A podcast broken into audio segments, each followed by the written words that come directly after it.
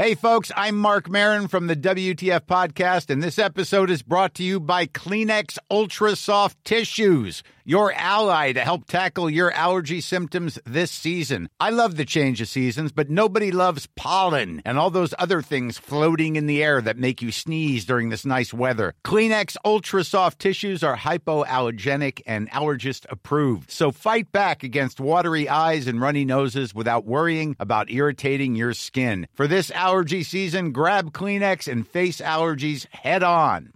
There's never been a faster or easier way to start your weight loss journey than with PlushCare. PlushCare accepts most insurance plans and gives you online access to board-certified physicians who can prescribe FDA-approved weight loss medications like Wigovi and Zepbound for those who qualify. Take charge of your health and speak with a board-certified physician about a weight loss plan that's right for you. Get started today at plushcare.com slash weight loss. That's plushcare.com slash weight loss. plushcare.com slash weight loss.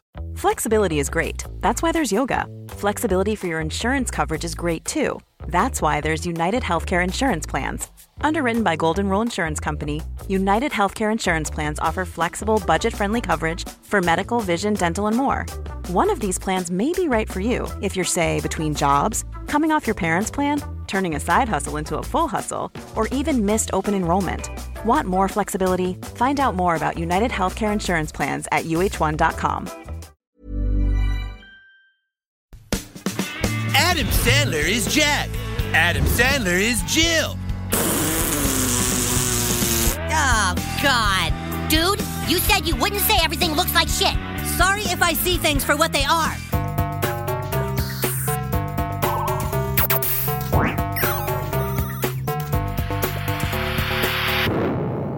Velkommen til Sinnsyn. Jeg heter Sondre Risom Livre, er psykolog, og dette er Webpsykologens podkast. Hverdagspsykologi for fagfolk og folk flest.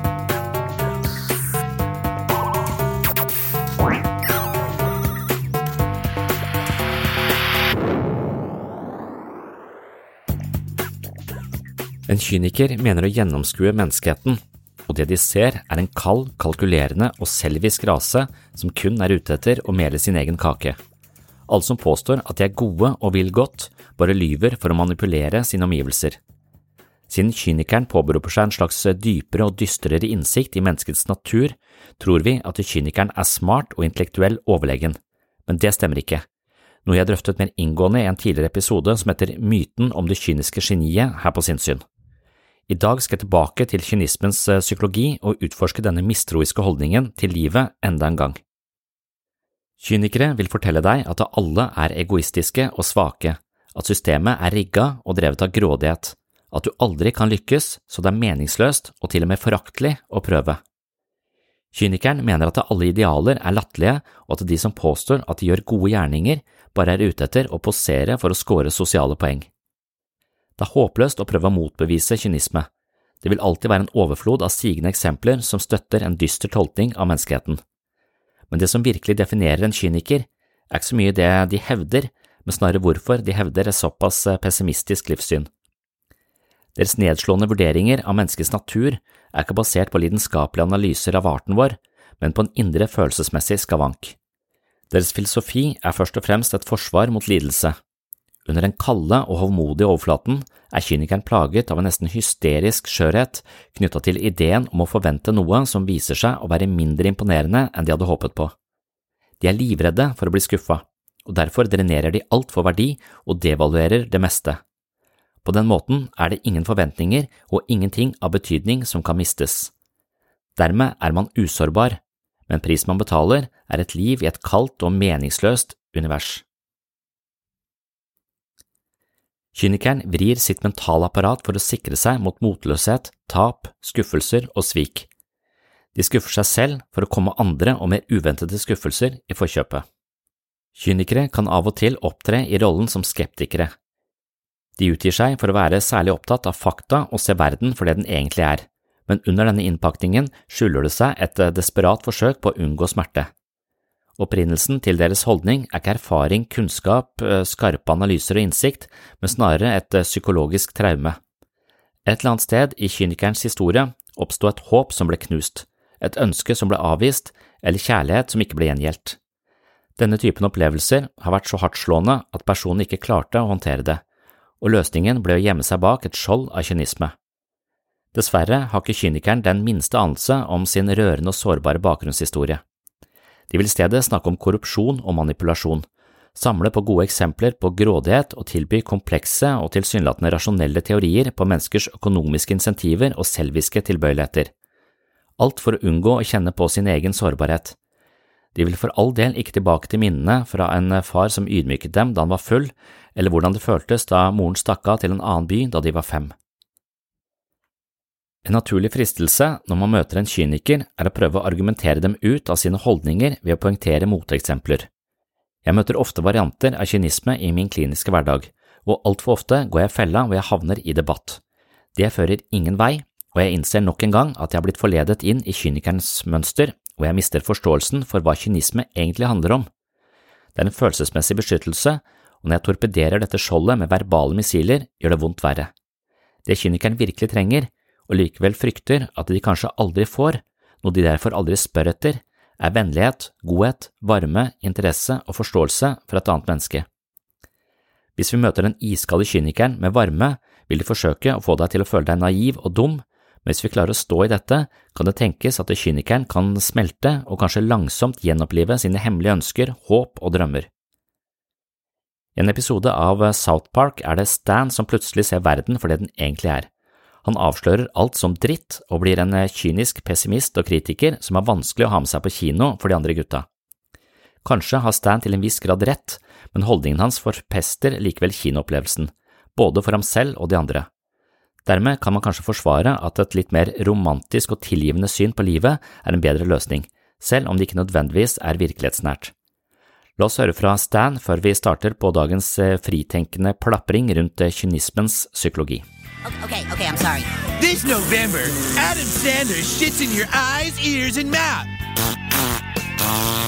It's Adam Sandler in Rated Arg for Pirates. F you. That looks pretty good. How can you say that looks good? Shh, you're doing it again. Jim Carrey has a bunch of turds in his apartment. Ugh.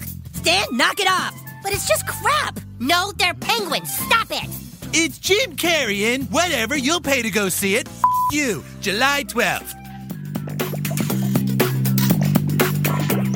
Da var det kynisme. Det er egentlig et sånt fenomen jeg ikke har tenkt sånn veldig mye på, men eh, jeg gjorde det en periode, og da syns jeg egentlig det var ganske viktig.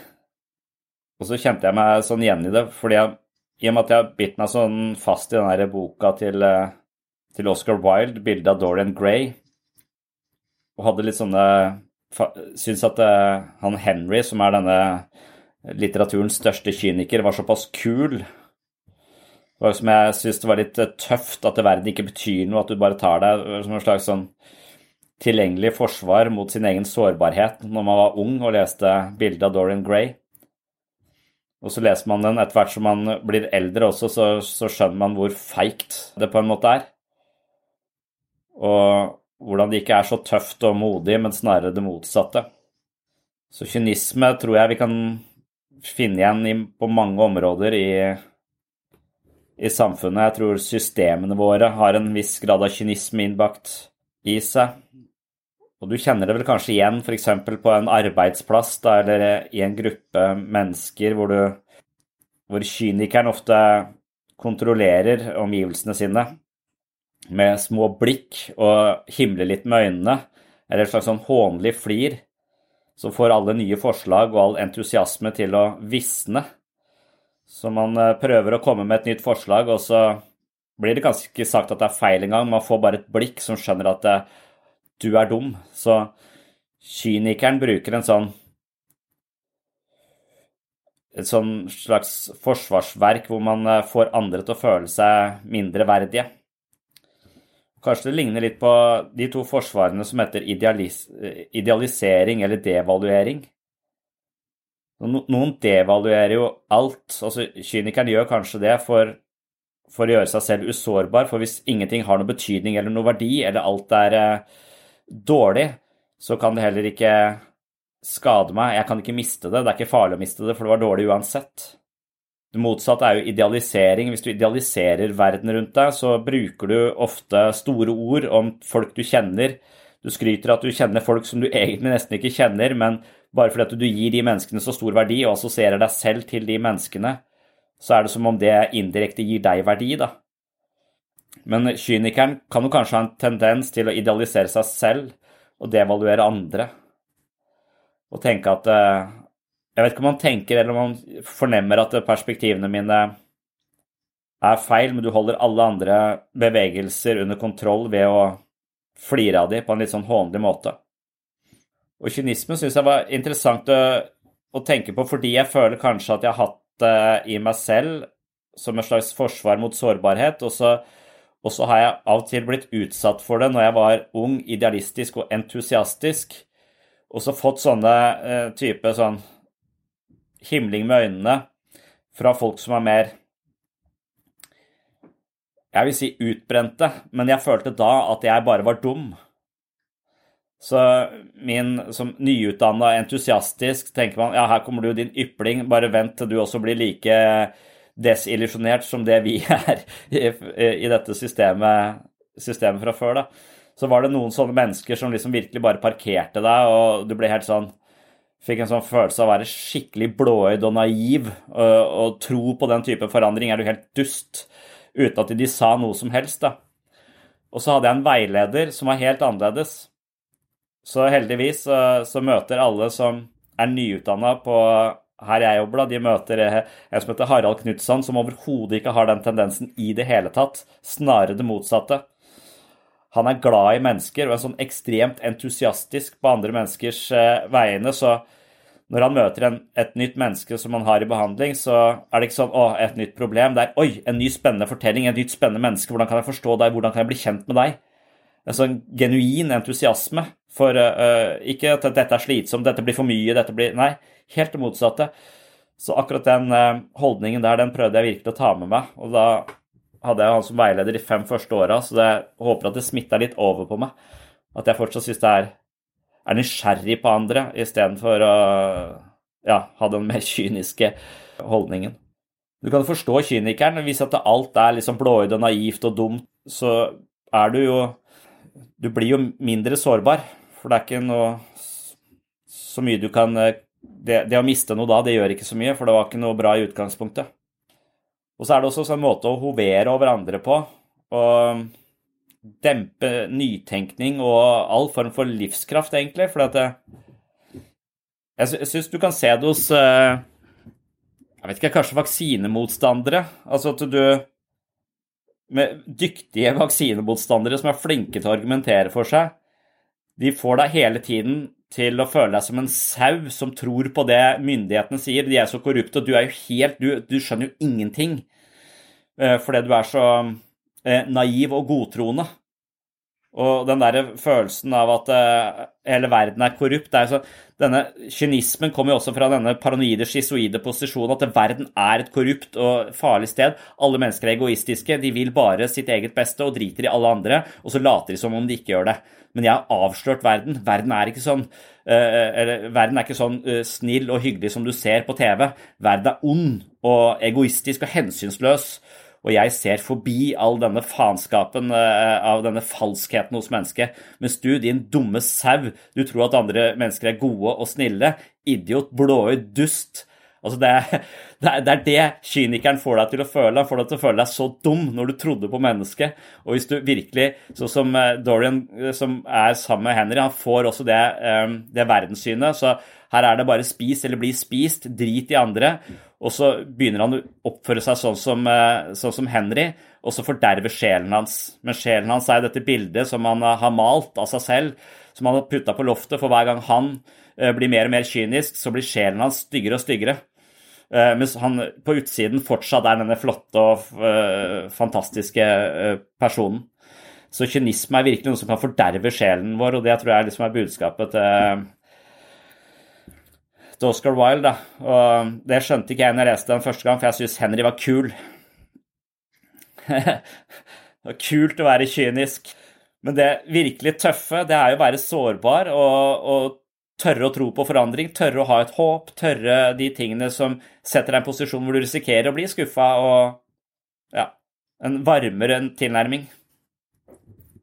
Jeg tror kanskje at kynikeren du, du tenker at kynikeren kommer til å ende opp som ensom. Jeg tror han er ganske Han eller hun er jo ganske ensom. Men jeg tror samtidig at jeg kan forstå tilbøyeligheten til å prøve å bli likt av vedkommende eller prøve å bli anerkjent av vedkommende. For det er som om man denne sånn halvveis kroniske devalueringa du er blå, blåøyd og naiv, altså om at du ønsker å score et slags kynisk poeng for å, for å komme inn i denne litt tøffe klubben. Så at du kan kanskje, eh, hvis du ikke oppdager det, hele tiden bare prøve å tilpasse deg og eh, strebe etter den anerkjennelsen fra dette mennesket. For jeg syns ofte kynikeren gir inntrykk av å være litt sånn intellektuell overlegen. Eh, at den er litt bedre enn andre. Så det å prøve å leve opp til det gir et slags sånn skinn av at jeg har skjønt det, men andre har ikke skjønt det.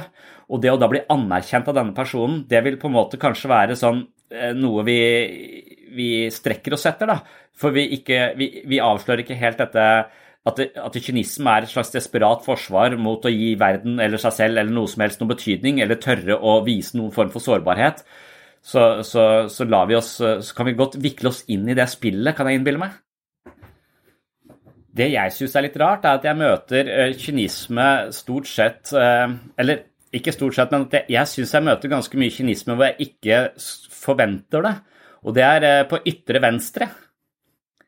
I politikken. Jeg syns mange av de menneskene som egentlig ser veldig opp til, da, som jeg nettopp har denne dynamikken med at jeg prøver å kanskje tenke at ja, de har skjønt det, men sånn hvor forferdelig Erna Solberg egentlig er.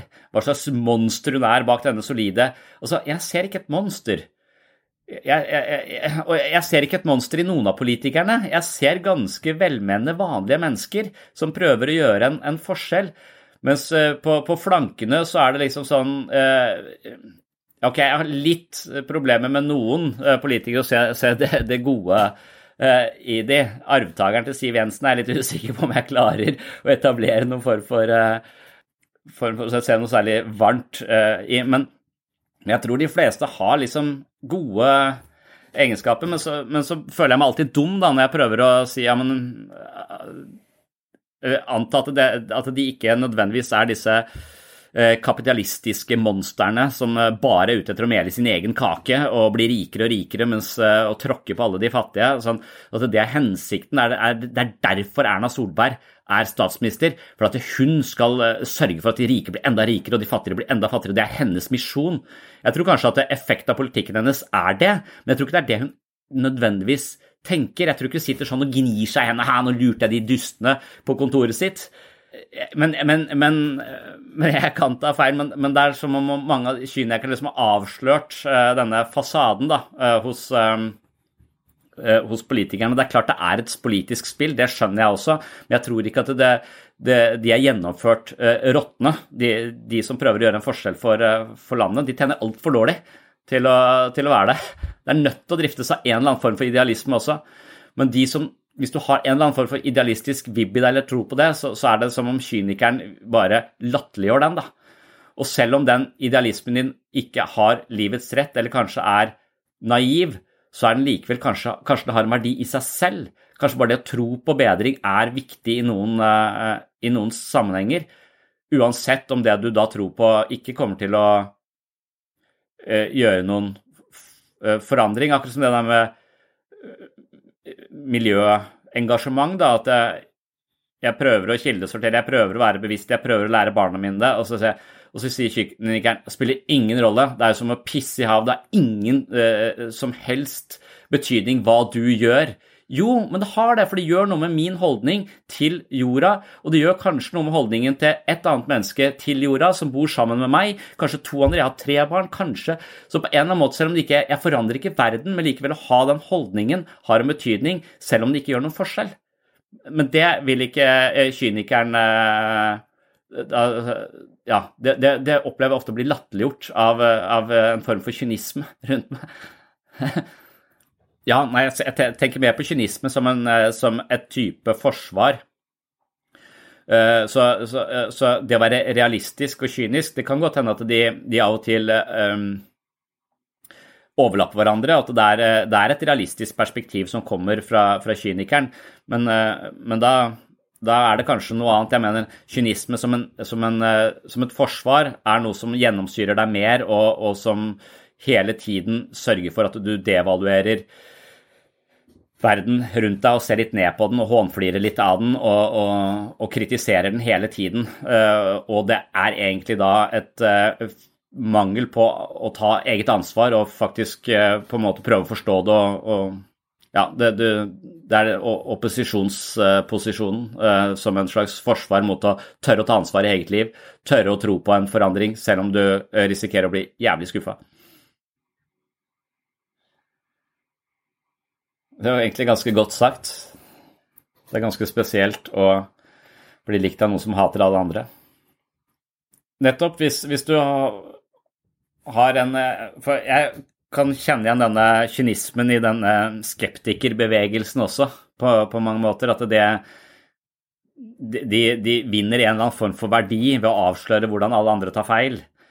Uh, og er negativt innstilt og, og, og, sånn. Men hvis du da først kommer innafor uh, og blir likt av de som hater alle andre, da, kan man si, eller syns at alle andre er litt, uh, litt mindre intelligente, så, så, blir det kanskje veldig viktig å beholde den posisjonen. Hvorpå du nettopp har havna i det mønsteret hvor du blir kontrollert av kynikeren. For kynikeren, du danser da etter den personens pipe og ønsker hele tiden den uh, å være inne i varmen og, og bevise din uh, klokskap og, og, og så videre. Og at du da nettopp blir fanga på den måten. For at det, du, du får ikke lov til å hvile i denne, være deg selv i denne her, Det krever noe. Og at vi, når vi da føler oss litt spesielle fordi vi nettopp har blitt likt av de som kritiserer alle andre, f.eks., så, så vil vi begynne å mene det som vi skjønner er riktig å mene. For å ikke havne på utsida ganske farlig mønster. altså Lett lett å komme inn i, tror jeg. Ja, Det er interessant om, om kynisme også Hvis vi assosierer til en eller annen form for forsvarsmekanisme, jeg vet ikke helt hvorfor, men forsvarsmekanismen er jo der for å hjelpe oss å beholde en, en viss balanse. Og at vi, at det, Men så snakker man om modne og, og mer, mindre modne forsvarsmekanismer. Men kan kynisme fungere som en moden forsvarsmekanisme? Det kan jo hende. Uh, til en viss grad. Jeg, men, så, så, jeg vet ikke helt hvordan det skulle se ut, da, men, men det, jeg syns jo det er innlemmet en stor grad av kynisme i systemer. Fordi at systemet har valgt å ikke se enkeltindividet, men har valgt å forholde seg til eh, noen klare parametere for hvordan de vurderer andres behov og, og ikke-behov, nesten sagt. Sånn at det, det, ligger da en stor grad av, av kynisme innbakt i det systemet, og hvis man da har et bankende hjerte i det systemet, så vil systemet langsomt også prøve å, å, å, å drepe den varmen man har. Og kanskje det til en viss grad er viktig, at den varmen får seg en kalddusj innimellom. For den varmen kan jo også være den, den, varmen kan jo til, til, en viss grad også sørge for at vi gjør valg som, som, uh, hvor vi tenker at vi, er et godt menneske, men i et litt større perspektiv nødvendigvis ikke er det. Så, jeg vet ikke om, om denne ky, Jeg tror du må være ganske kynisk hvis du står på en bro og prater med en kompis som veier 40 kilo mer enn deg. Og dette er en kompis du har kjent en stund, hyggelig fyr, og så står dere på broa, og så plutselig så får du et kall fra en eller annen instans som vet fremtiden, og sier at du er nødt til å dytte kompisen din ned fra broa, for under her kommer det et tog. Hvis ikke du dytter han ned fra broa, så kommer det toget til å dure forbi og drepe en familie på fem, to voksne og tre barn lenger ned i veien. Dette vet du, så du må pælme kompisen din ned på toglinja. Og så sier du nei, jeg er et godt menneske, jeg vil hoppe selv. Nei, du er ikke tung nok. Du trenger 40 kilo til for å stoppe det godstoget der sånn. Og, det er jo en type Hvis du tar den avgjørelsen og sier OK, jeg dytter, aktivt dytter kompisen min ned på, uh, på toglinjen for å redde fem mennesker jeg ikke kjenner det, det, det, Hvis du velger det, så tror jeg du Da er du Jeg vet ikke om det er kynisme, men det er i hvert fall en veldig kald rasjonalitet, da. Og jeg tror den typen kynisme og rasjonalitet er innbakt i f.eks. helsevesenet hele tiden. Jeg har akkurat uh, en, en, en, bekjent som uh, har blitt veldig alvorlig syk. Og så skjønner jeg når jeg leser om denne sykdommen, at her finnes det medisiner som er veldig effektive, men som er så dyre at de ikke blir godkjent i Norge. Og på den måten så har helsemyndigheter sagt nei, vi godkjenner ikke denne, disse menneskene dør, vi bruker heller de pengene her, for da redder vi flere. Og Da kommer det veldig tett Da kan man si det er kynisk å tenke sånn, du lar penger styre andre menneskers liv. Men det skjer jo hele tiden rundt oss. Og kanskje må man Nei, det er ikke sikkert det er etisk riktig, men, men på, på, det trolley problem da, på broa, er det etisk riktig å dytte kompisene ned på skinnene for å redde fem andre? Er det etisk riktig? This is an exciting day. We are going to tackle the trolley problem. Is this a game? I, I go first. I call blue. There's no, no this is no, this is a thought experiment first introduced by British philosopher Philippa Foot in 1967.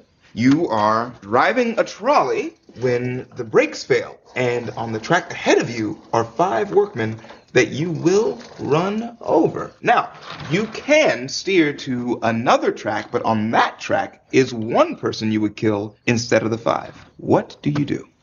Do we know anything about the people? Like, is one of them an ex boyfriend? Or that snooty girl from Rite Aid who was always silently judging my purchases? It's like, yeah, chickie, a baby Ruth and birth control. I see the irony. Keep a swiping. You don't know any of the workers. Okay, well, then that's easy. I switch tracks. Kill one person instead of five. But this is hard, because the only trolley I've ever been on is James Franco's ironic trolley. It travels backwards from his penguin grotto to his garage of adult tricycles. Um, say five. Good, but there's a lot of other versions of this. Like, what if you knew one of the people? Does that change the equation? Or what if you're not the driver, you're just a bystander? Or let's throw the trolley out altogether. Let's say you're a doctor and you can save five patients, but you have to kill one healthy person and use his organs to do it. But that's not the same thing. Why not? It's still choosing to kill one person to save five, isn't it? Michael, You've been kind of quiet. What do you think about all this? Well, obviously, the dilemma is clear. How do you kill all six people? So I would dangle a sharp blade out the window to slice the neck of the guy on the other track as we smush our five main guys. Oh, I did the thing again, didn't I? Yep. Ten more, buddy. People good. People good. Why is that so hard to remember? People. What is it? Good. Good.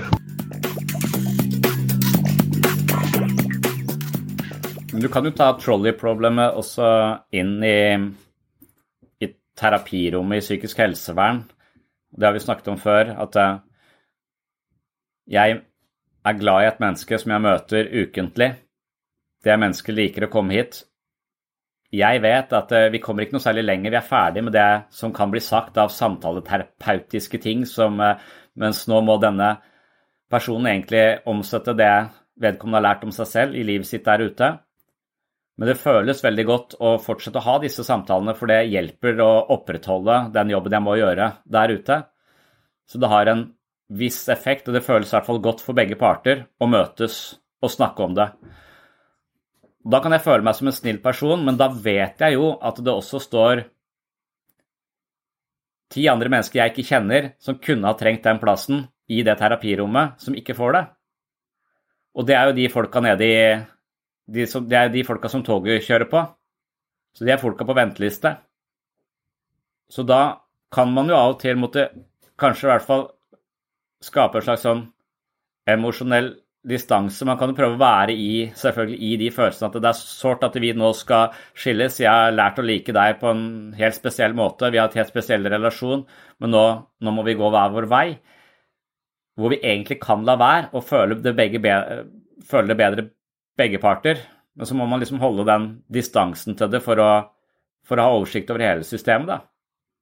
Og er det et kynisk perspektiv? Jeg vet ikke om det i det hele tatt er et kynisk perspektiv. Det er et, det er et, det er et empatisk perspektiv som ikke nødvendigvis har empati med den personen som, som, sitter foran deg, som opplever at jeg trenger flere timer her på, på dette kontoret, f.eks. Jeg trenger flere, eh, flere timer. Du avskjærer meg fra det. Da føler man seg ikke spesielt empatisk.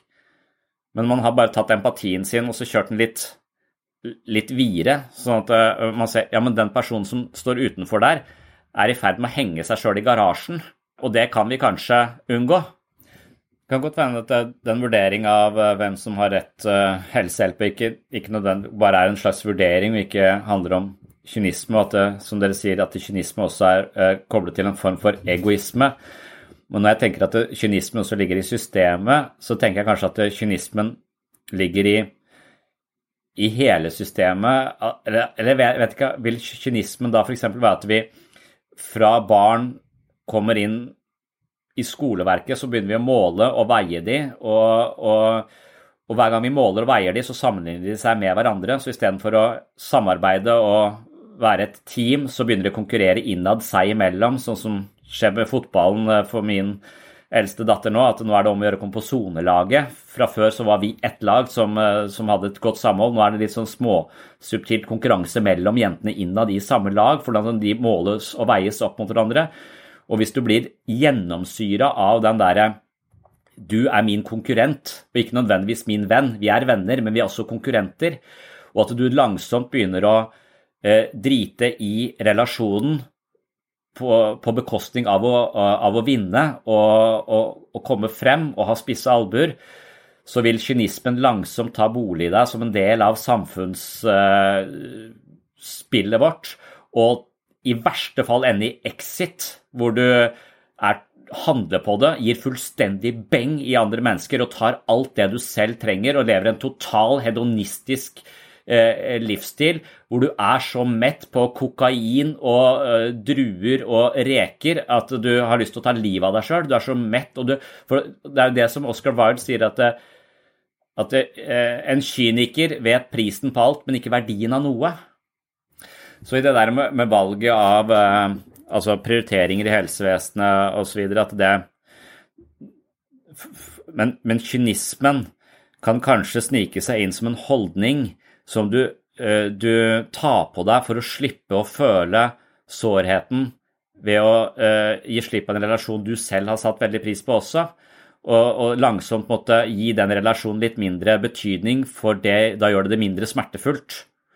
Sånn at, eh, sånn at hvis Når ressursene er knappe og prioriteringene er stramme, så må du hele tiden gjøre ting som også trosser din egen samvittighet, eller, eller gjør deg vondt. Da, og for å og for å kunne stå i det, så må du eh, koble deg på en eller annen form for kynisme som en slags beskyttelse mot å føle for sterkt. Og hvis det blir liksom Og da kan det være at, eh, at eh, nettopp sjelen din blir litt sånn forkrøpla, sånn som eh, i Dorian Gray, fordi at du, du, du kjenner at oi, det funker å gjøre meg om til en maskin. Uh, jeg, altså, det, det, det er jo mange mennesker som prøver å være en maskin fordi at det, det er så tungt å føle. Og, og, og, når du velger den strategien da, og gjør det om til en maskin for å slippe å føle, så, så slipper du å bli sårbar, lei deg og føle sorg og alle de vanskelige følelsene. Men du slipper også å føle glede, entusiasme, livslyst osv. Så, så du, du, du blir, en maskin har jo ingen av delene. Så det er noen som tenker at det er en bedre måte å leve på enn å kjenne på eh, stor smerte og potensielt sett også veldig varme følelser. Men det er jo nettopp når du føler så varme følelser for noen andre, og du ser at dette må slutte, dette, dette går ikke lenger, at, at skal da, da skal du kjenne på den den overgangen. Og de overgangene, altså emosjoner, det betyr jo som det, det, betyr at noe er i bevegelse. Eh, emotion. Det betyr bevegelse, og, det, og bevegelsene det tærer på oss. Det kan gjøre vondt, det kan være vanskelig. Og det å ha minst mulig sånn bevegelse, det tror jeg vi kan, eh, kan kontre greit med kynisme og bli en kald, distansert person. Og så tror jeg da det er, eh, ja, en langsom vei inn i også en form for depresjon som bare er full av tomhet. Litt den depresjonen jeg syns jeg kan se i, eh, i Exit. De, de, tror de bare blir lykkelige av mer og mer penger og får mer og mer eh, goder, men de har jo altfor mye. De, de, de, er tomme mennesker. Det er skall, liksom. Psykopater òg, da, selvfølgelig. Så, men eh, det viser at psykopaten ikke nødvendigvis er lykkelig, selv om eller jeg vet ikke med Øygarden der. Han virker nesten lykkelig i, sin psykopati. jeg syns han, han, er, han virker som en ekstremt farlig person. Ja, jeg er helt enig. Jeg, jeg assosierer også kynisme med noe kaldt. Og nå har jeg sett den der filmen Frost 100 ganger, men bare med et halvt øye hele tiden. Men det er et eller annet med den Frost-filmen som eh, surrer og går når du har eh, barn. Og det er et eller annet med denne å gjøre seg til is og flytte inn i et isslott og være totalt kald. Og så har du denne søsteren som prøver å smelte dette greiene her. Men eh, da Ja, jeg kan ikke helt hele den narrativen i Frost eh, og Disney sitt kyniske univers. Fordi eh, den, den kulden ja, som jeg også opplever ved kynismen. Slipp ingen inn, la ingen se, slik er plikten jeg er jo født ingen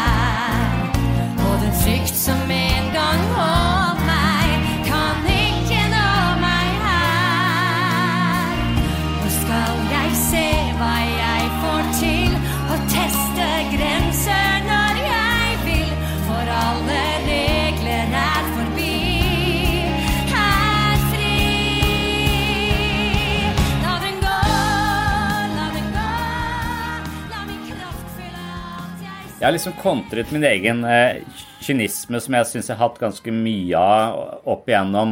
Og, og, så kan jeg, for å være litt sånn viktig, eh, Petter og, og, på en måte også kanskje dette er sant, da. Men eh, det fins folk i Hollywood som har lest atferdspsykologi, som vet hva de skal putte opp på skjermen for å få andre mennesker til å føle sterkt og, og, og gråte og se den samme filmen år etter år rundt juletider. Så jo mer emosjonelle triggere vi klarer å legge inn i denne filmen, jo større sjanse er det for at det er denne filmen som ruller, ruller og går på alles eh, skjermer hver eneste lille julaften, f.eks. Og hvis de klarer det, så har de eh, blitt styrterike og tjent masse penger, og så kan de sitte på Bahamas og drikke gin tonic. Og, og så kan jeg si ja, jeg sitter og ser på Notting Hill, da. Men eh, det er bare sånne billige grep for å få meg til å, å, å gråte. Jeg har avslørt det der skvipet der sånn. Min kynisme. Eller jeg kan sitte og sippe til Hugh Grant og synes at det er så vakkert. Og jeg tror det er bedre for meg å synes at det er vakkert, selv om jeg veit jeg blir lurt. For da, da, tåler jeg de såre, jeg tåler de varme følelsene. Og det samme tenker jeg når jeg sitter og ser på så hver gang vi møtes med dattera mi og så sier hun 'pappa, gråter du?' Nei, nei, nei. Og så, og så er etter hvert skjønt at det, jo, jeg gjør det. Men det føler jeg litt jeg føler det er litt ektere. Jeg, jeg syns kanskje at hver gang vi møtes Jeg tenker dette er fine folk. De har opplevd masse. Altså, Jeg blir glad i de uh, menneskene. Jeg kjenner ikke Hanne Krogh fra før. Jeg har aldri sett den eller hørt på noe. Men sånn, selv om jeg vet at det også er staged til en viss grad, så føler jeg kanskje det er litt mindre manipulert der føler jeg enn når jeg ser på Notting Hill. Men likevel, selv om Notting Hill er en manipulasjon, så er det likevel min følelse av noe varmt som jeg kan få lov til å slippe til. Og, og hva er vitsen med at jeg avslører det som humbug? Altså, jeg blir manipulert til å føle sånn, ja vel, men eh, her har du en varm følelse. Jeg føler dette her er veldig eh, flott, at to mennesker kan møte hverandre på denne måten her, sånn. Som de gjør i Love Actually. Og altså jeg, jeg, vet ikke, for jeg tenker jo sammen med, med, barna mine at jeg liksom, det å tåle følelser og forstå følelser som, Selv om de trigges og manipuleres fram av noe, så kan vi i hvert fall snakke om de da. altså, nei, jeg mener at jeg i min kyniske variant sitter og, og sperrer for den følelsen av uh, varme når jeg ser sånne hyggelige komedier, ikke sant? Fordi at jeg sier det er bare noe uh, billige triks fra Hollywood. Det er den kyniske varianten for å unngå å føle seg lurt, da. Eller jeg vet jo Det kan være sant at jeg blir lurt, men, men likevel så, eh, så, har jeg godt av å bli lurt på den måten, for jeg føler varme følelser, og jeg kan slippe de til. Mom deserves the best, and there's no better place to shop for Mother's Day than Whole Foods Market. They're your destination for unbeatable savings, from premium gifts to show-stopping flowers and irresistible desserts. Start by saving 33% with Prime on all body care and candles. Then get a 15-stem bunch of tulips for just $9.99 each with Prime. Round out Mom's menu with festive rosé, irresistible berry chantilly cake, and more special treats. Come celebrate Mother's Day at Whole Foods Market. I'm Sandra, and I'm just the professional your small business was looking for. But you didn't hire me because you didn't use LinkedIn jobs. LinkedIn has professionals you can't find anywhere else, including those who aren't actively looking for a new job but might be open to the perfect role, like me. In a given month, over 70% of LinkedIn users don't visit other leading job sites. So if you're not looking on LinkedIn, you'll miss out on great candidates like Sandra. Start hiring professionals like a professional. Post your free job on linkedin.com/people today. Since 2013, Bombas has donated over 100 million socks, underwear, and t-shirts to those facing homelessness. If we counted those on air, this ad would last over 1,157 days. But if we counted the time it takes to make a donation possible, it would take just a few clicks. Because every time you make a purchase, Bombas donates an item to someone who needs it. Go to bombas.com slash ACAST and use code ACAST for 20% off your first purchase. That's bombas.com slash ACAST, code ACAST. Det er bare meg selv som enten da føler det, som Jeg har avslørt det. Eh, det er bare eh, kynisme og en eh, pengemaskin som tjener penger. Eller jeg kan velge å føle så Begge ting kan være riktig, men en, en, kyniker vil kanskje avsløre det og derfor ikke ja, plukke ting fra hverandre. da. Det samme kan jeg gjøre. ikke sant? Jeg kjenner at oi, jeg elsker kona mi veldig høyt. Og så kan jeg si som kynikeren ja, men det er bare synaptiske forbindelser som skyter i et bestemt mønster som handler om eh, evolusjonær overlevelse, for du vet at du klarer ikke å overleve alene med de barna, det klarer ikke hun heller, så vi er nødt til å følge dette for hverandre for å holde sammen, sånn at ikke alle dauer. Ja, det er et mye mindre romantisk perspektiv. Nei, nei. Eh, jeg tror vi har, alle har kynisme i seg som, eh, som, er, som dukker opp på, på ulike områder. Eh, men det er nok når, når, eh, hver gang en sånn type forsvarsmekanisme gjennomsyrer oss og blir en strategi vi bruker på veldig mange områder, så, så kan man tenke at det blir en slags karakterforstyrrelse. Eh, at man kan være kynisk på noen områder, for det, det er jeg nødt til for å overleve. Det er helt, helt i orden. Men det er når det, når det blir en sånn type karaktertrekk. Så hvis jeg alltid avslører alt jeg ser på TV som billig triks, og kjærligheten jeg har for de rundt meg som evolusjonær tilpasning og genetikk, så mister jeg romantikk og, og, det varme. Og da slipper jeg også å bli såra hvis hun går fra meg. Jeg, jeg, tror jeg på et eller annet tidspunkt eh, kjente sånn som deg på, på dette at jeg syns eh, men, men, så ble det så mainstream rundt meg, og, og syntes at det er teit. Og alt vi skulle se, var russiske filmer som varte i åtte timer, og hvor de ikke sa noe. Uh, og så og, ja, og så tenkte jeg nei, jeg skal se på Notting Hill. Jeg driter i den der snobbete Så, det, så det ble nesten sånn der eh, Å være sånn uh, kontrær ved å se på det vanlige på et eller annet tidspunkt for meg i et sånt miljø jeg var i når jeg studerte, husker jeg. Og så kan det, som du sier, kanskje være en arena hvor man kan utforske følelser. Da, for hvis vi tenker at det å føle noe er en slags treningsakt også, og det å ikke orke å føle noe, det betyr at vi må gjøre oss om til en maskin. Og for det gevinsten er å aldri bli såra eller føle seg tråkka på. Og jeg tror nok de som har den strategien, har nettopp blitt tråkka på så mye at de ser det som den eneste mulige måten å overleve på. Kanskje de hadde det som barn. Hvis du virkelig trenger folk rundt deg sant, som barn, og så, og så avviser deg eller ler av deg eller eh, overser deg eller eh, driter deg ut gang på gang, så står du der med, et, med hjertet i hånda som blir tråkka på. Og da er det klart at da tar du det på et eller annet tidspunkt inn og murer det inne bak en eller annen vegg, eventuelt en vegg av, eh, av kynisme. Og det var en overlevelsesstrategi på et tidspunkt, men nå blir det også din måte å ikke være delaktig i verden på. Så da kan det jo hende at uh, disse filmene som likevel prøver å manipulere oss, kan være slags, et slags helsestudio for følelser, da. Ja, nå skal jeg se hvor, hvor, varme følelser jeg kan få i denne billige, romantiske komedien. Siste jeg så, var Longshot med Seth Rogan på Netflix. Fantastisk. Romantisk komedie, tenker jeg, det er en glemt sjanger. Den må tilbake igjen. Så men det var en voldsom idealisme eh, i det politiske eh, landskapet i USA. What is the relationship exactly? I used to babysit for him. You babysat for him? Wow, time has not been kind. I need some writers to punch up my speeches. Fred's writing is really good, and he knows me. Oh, I feel so scared. In order to write better for you, I should kind of get to know you better if you have a minute. I actually have seven. Seven minutes in heaven.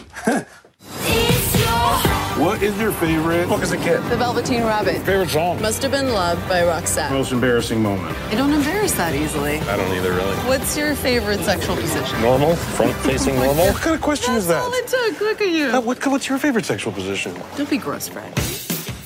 Men ja, at, vi, at vi, man gjennom disse også kan, ja, kan, se litt på det som å trene på å føle igjen. Fordi at jeg skrudde av de følelsene på, på, på et eller annet tidspunkt. Hvor jeg Ja men det er jo litt en sånn måte som jeg tror vi snakket om tidligere. Altså det å være negativ, eller tenke at eh, du har avslørt noe, kontra det å være liksom positiv og varm. Det er ikke som det å være negativ er litt mer interessant.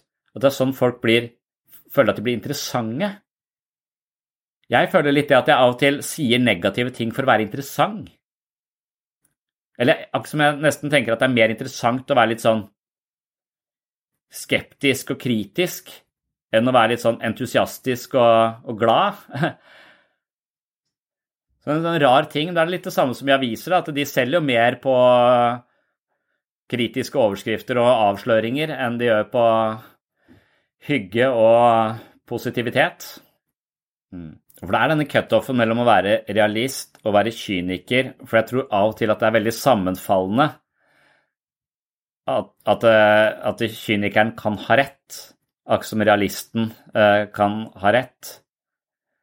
The president of the United States is a duck? A duck is president, and the whole country is going to the dogs. Or whatever, the president is a dog. Who cares? Coming June something. Oh, come on, people. That's it, Stan. I'm not.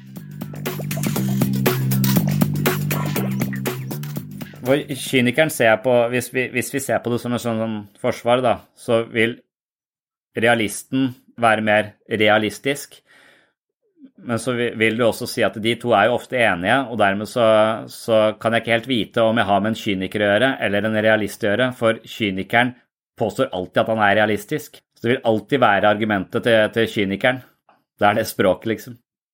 Det er jo litt det som er Viktor Frankl sin eh, beskjed i den der Man's Search for Meaning, og også Sartre sin beskjed i historien om Brunet, som er skrevet fra sånne konsentrasjonsleire. Og hvis du har sittet i Auschwitz en stund og er jøde, og tenker at uh, dette går bra, så, så, tror jeg ikke du blir, blir, sett på som en realist, i hvert fall. Mens uh, disse fortellingene handler om at det å beholde en form for idealisme når ting er svart, mørkt og vondt, det er det som holder meg i live. Det er ikke det at jeg kjemper mot andre eller konkurrerer mot eller tar maten, det er det at jeg fortsatt tror på det gode i mennesket. Det er liksom Viktor Frankel sin idé, da, at han har sittet i konsentrasjonsleir, og det at han opprettholder en slags troa på menneskeheten tross for at du var i helvete, så, så var det nettopp det, det, håpet, den ideen om noe bedre, som var livsopprettholdende. Det var den som sørget for at han ikke døde. Og den som blir totalt kynisk og bare stjal maten til naboen, sånn at naboen døde to dager seinere, men en selv overlevde.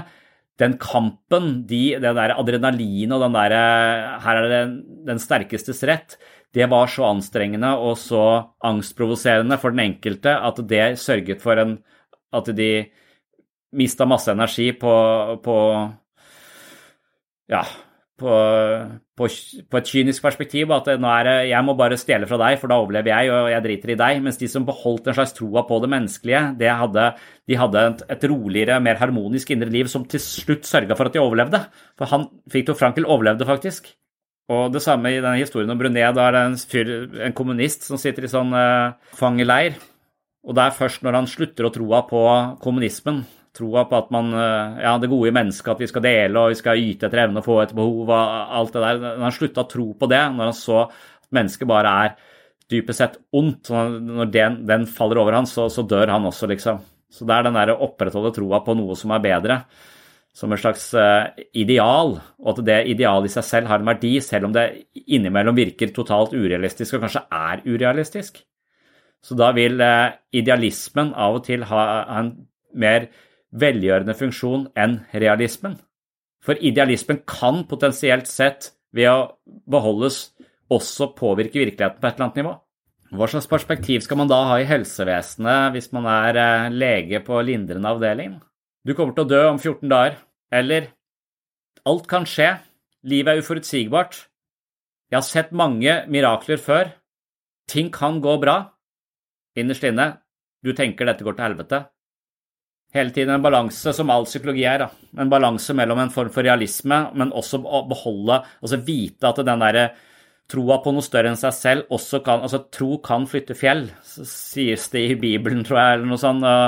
Og det kan jo nettopp ha en Altså, hvis jeg fortsatt beholder en tro, så kan det sørge for at immunforsvaret mitt ikke spises opp av kortisol, som er stresshormoner, som igjen gjør at eh, kroppen gjør en litt bedre innsats retta inn mot å gjøre meg frisk, kontra å bruke all min energi på, på å være gjennomsyra av stresshormoner. Så ideen jeg har om min egen sykdom, og, og troen jeg har på min egen fremtid, vil også påvirke på et rent fysisk nivå.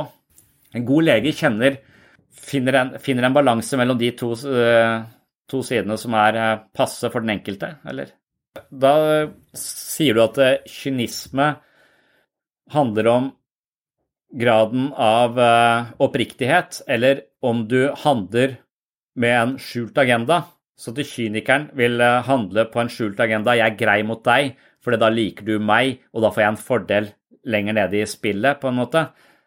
Men kan man da i sånn følelsesmessig gymnastikk trene seg opp på følelser sånn at de blir stadig mer ektefølt, og ikke uh, bli uh, noe som du faker for å få et bestemt resultat? Du vil få samme resultatet, men din entusiasme for den andre personen er ikke bare styrt av din agenda om å bli likt og få noen fordeler der nede, men det er fordi du lett klarer å etablere nysgjerrighet, entusiasme og, og åpenhet for andre mennesker. Så at det blir en mer ekte ting hos deg. Det blir noe som egentlig du eier på en annen måte. Det er ikke noe du bare faker for å få noe. Det er også din eh, modus operandi, nærmest. At det er det å være i kontakt med følelsene sine og, og være godt følelsesmessig trent, så har du mange følelser tilgjengelige som du eh, bruker som et godt kompass. Mens med en gang du er nødt til å begynne å fake de, så er det fordi at du denne omsorgen for andre denne omtanken for andre, den har jeg egentlig ikke i meg. Jeg har bare, det er altså mer egoistisk enn, da. Jeg er mer opptatt av meg og mitt vel, men jeg vet at hvis jeg gjør sånn, så får jeg det sånn. For jeg mener at kynikeren vil ikke være med på denne tanken, for der jeg kanskje mest møter kynisme, det er hvis du snakker om sånne meditasjonsveileder eller la oss si Dalai Lama eller sånne folk som hele tiden bare går og, og maser om at du skal meditere på kjærlighet. Så snakker vel de om at ja, men hvis du driver eh, styrketrening med kjærlighet som, eh, som mental vekt, så vil du bli stadig bedre på det, og livet for deg vil se annerledes ut, og livet for andre vil se annerledes ut. Ja, men verden er et, faen, et, et høl et sted. Det er fullt av farer og faenskap. Du, du, er helt dust hvis du går rundt og elsker folk. Altså, det vil kynikeren liksom vil ikke, vil ikke tenke at dette er en treningssak også. Eller vil i hvert fall ja, jeg vet ikke om men, men, at det er kanskje denne filosofien som, som, den østlige psykologien er mer opptatt av enn vi er. Vi tenker at vi har ekte følelser, og vi må anerkjenne raseri og angst også. At vi må liksom Alle følelsene skal få plass, og vi skal akseptere de. Mens de i den østlige tradisjonen vil si at nei, de følelsene du vil ha mye av, de må du trene på. Du må løfte vekter med kjærlighet da, hvis du har lyst til å være et kjærlig menneske. Og hvis du er et hatefullt menneske, så må du gå rundt og, og, og meditere på hat. da. Tenke på hvor irriterende naboen er hele tida, f.eks. Eh, så blir du dritgod på det. Og så uh, får du også hjerteinfarkt. Men du får masse hyggelige fantasier om hvordan du skal uh, kvele naboen i søvne. Det, det, er da ikke rart det blir mye spetakkel og nabokrangel mellom folk når de skal bo til så tett! Å ha all denne plassen som vi har her hjemme i Norge, og så skal folk røse seg i hopus på den måten der! Et noe rart de flyger totta på en enda! Se på dette der, gitt. Naboen. Jeg hadde huset til naboen min. Han er så fisefin. Skulle gjerne skyte. Jeg hadde synet av naboen min.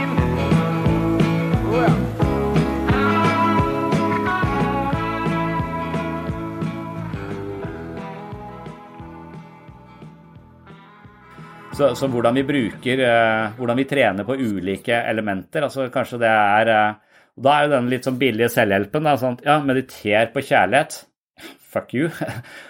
ja, nei, kanskje det faktisk har noe veldig viktig ved seg, da.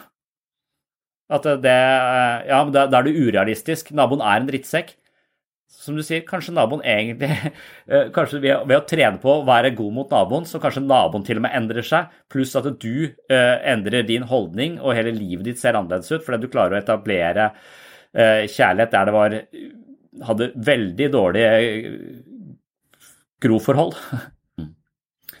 Jeg lurer på om kynikeren til og med får en slags oppreisning når ting går galt. da. Så du sier at det er, det er en sånn veldig ensom posisjon men kynikeren får lov til å si 'hva var det jeg sa?' når det, eh, når det, når det går i dass. Og nettopp når det går i dass, er det nesten en slags seier for kynikerens livsperspektiv. Og, og, nesten som om at når det da virkelig også går ille, så, så blir det, skårer de ekstrapoeng. Og, og føler seg midlertidig glede og fortsatt like ensom og fortsatt like kalde og, og så ensomt og forlatt i en slags emosjonell ørken, men likevel akkurat der får de en slags når det da går dårlig, så er det Ja, scorer de. Kynikeren Eller ja, det er kanskje når, når de relasjonene som har vært veldig verdifulle, blir brutt, så er det Hva var det jeg sa? Alt forsvinner, alt dør, alt blir borte. Eh, sånn, sånn er livet. Istedenfor at Oi, det var en veldig god relasjon, den skal jeg bære med meg resten av livet. Den, den, kjenner jeg varmer når jeg tenker på den personen, selv om jeg vet jeg ikke skal se den personen igjen. Et helt annet perspektiv enn kynikeren sin eh, ja, Derfor sier man at kynismen er litt feig, fordi kynismen, kynismen tør ikke sårbarheten, den tør ikke sorgen, den tør ikke Mens virkelig modige personer, de tåler jo flere følelser, da, eller de, de tør å føle. Og det er nok eh, det jeg vil kjenne igjen selv, at det var vanskelig å føle den sårbarheten og den når du er så liten og redd og føler deg så dum uh, i forhold til uh, andre i klassen, eller liksom når man er ung og sammenligner seg ekstremt mye med andre, så så har du behov for en viss grad av sånn beskyttelse og skjold mot, uh, mot det der. Noe som, men noe som gjør deg også til en litt sånn utrivelig person. En ensom og ja Flytte inn i et isslott. Som om man smelter seg selv med Notting Hill. Whoops the daisies. what did you say? Nothing.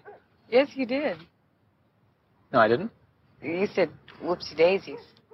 No one says whoopsie daisies, do they? I mean, unless there is no unless, because no one has said whoopsie daisies for what 50 years, and even then it was um, it was just little girls with blonde ringlets. Exactly.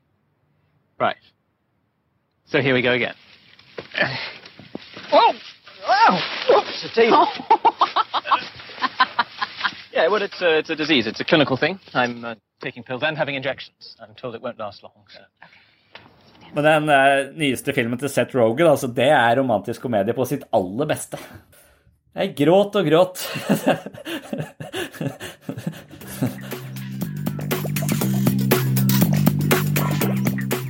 Det var det jeg hadde om kynisme for denne gang. Tusen takk for følget. Tusen takk til alle dere som har rata podkasten i iTunes og gitt den tilbakemeldinger på sosiale plattformer. Takk til alle dere som har anbefalt podkasten til venner og bekjente. Det betyr veldig mye. Og tusen hjertelig takk til dere som er medlem av mitt mentale treningsstudio på patron.com.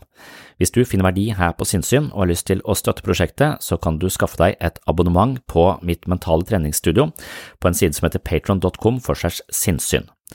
Der vil du da eventuelt få ganske mye ekstramateriale, der er det mange flere episoder av eh, sinnssyn, det er videomateriell som jeg ikke publiserer andre steder, du kan eh, få med deg bøkene mine, kapittel for kapittel, der leser jeg altså mine egne bøker som en slags eh, forsøk på å lage en treningsmanual inne på dette mentale treningsstudio, hvor jeg leser bøkene mine og avslutter med en øvelse hver gang.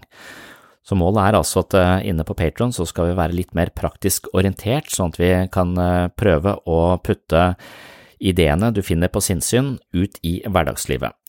En ting er å ha masse innsikt, en annen ting er å evne å implementere det i livet sitt.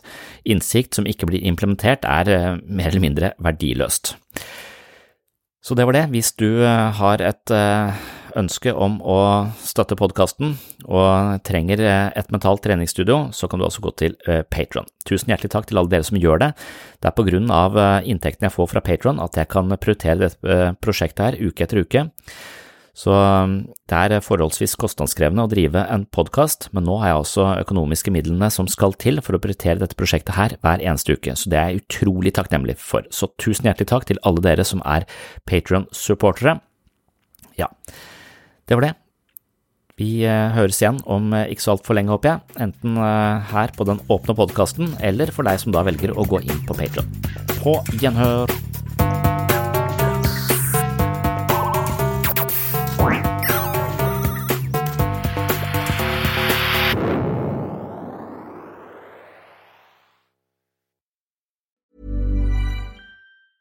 A lot can happen in three years, like a chatbot may be your new best friend. But what won't change? Needing health insurance. United Healthcare Tri Term Medical Plans, underwritten by Golden Rule Insurance Company, offer flexible, budget friendly coverage that lasts nearly three years in some states. Learn more at uh1.com. Planning for your next trip? Elevate your travel style with Quince. Quince has all the jet setting essentials you'll want for your next getaway, like European linen, premium luggage options, buttery soft Italian leather bags, and so much more and is all priced at 50 to 80% less than similar brands. Plus, Quince only works with factories that use safe and ethical manufacturing practices. Pack your bags with high-quality essentials you'll be wearing for vacations to come with Quince. Go to quince.com/pack for free shipping and 365-day returns. Mom deserves the best, and there's no better place to shop for Mother's Day than Whole Foods Market. They're your destination for unbeatable savings, from premium gifts to show-stopping flowers and irresistible desserts. Start by saving 33% with Prime on all body care and candles. Then get a 15-stem bunch of tulips for just $9.99 each with Prime. Round out Mom's menu with festive rosé, irresistible berry chantilly cake, and more special treats. Come celebrate Mother's Day at Whole Foods Market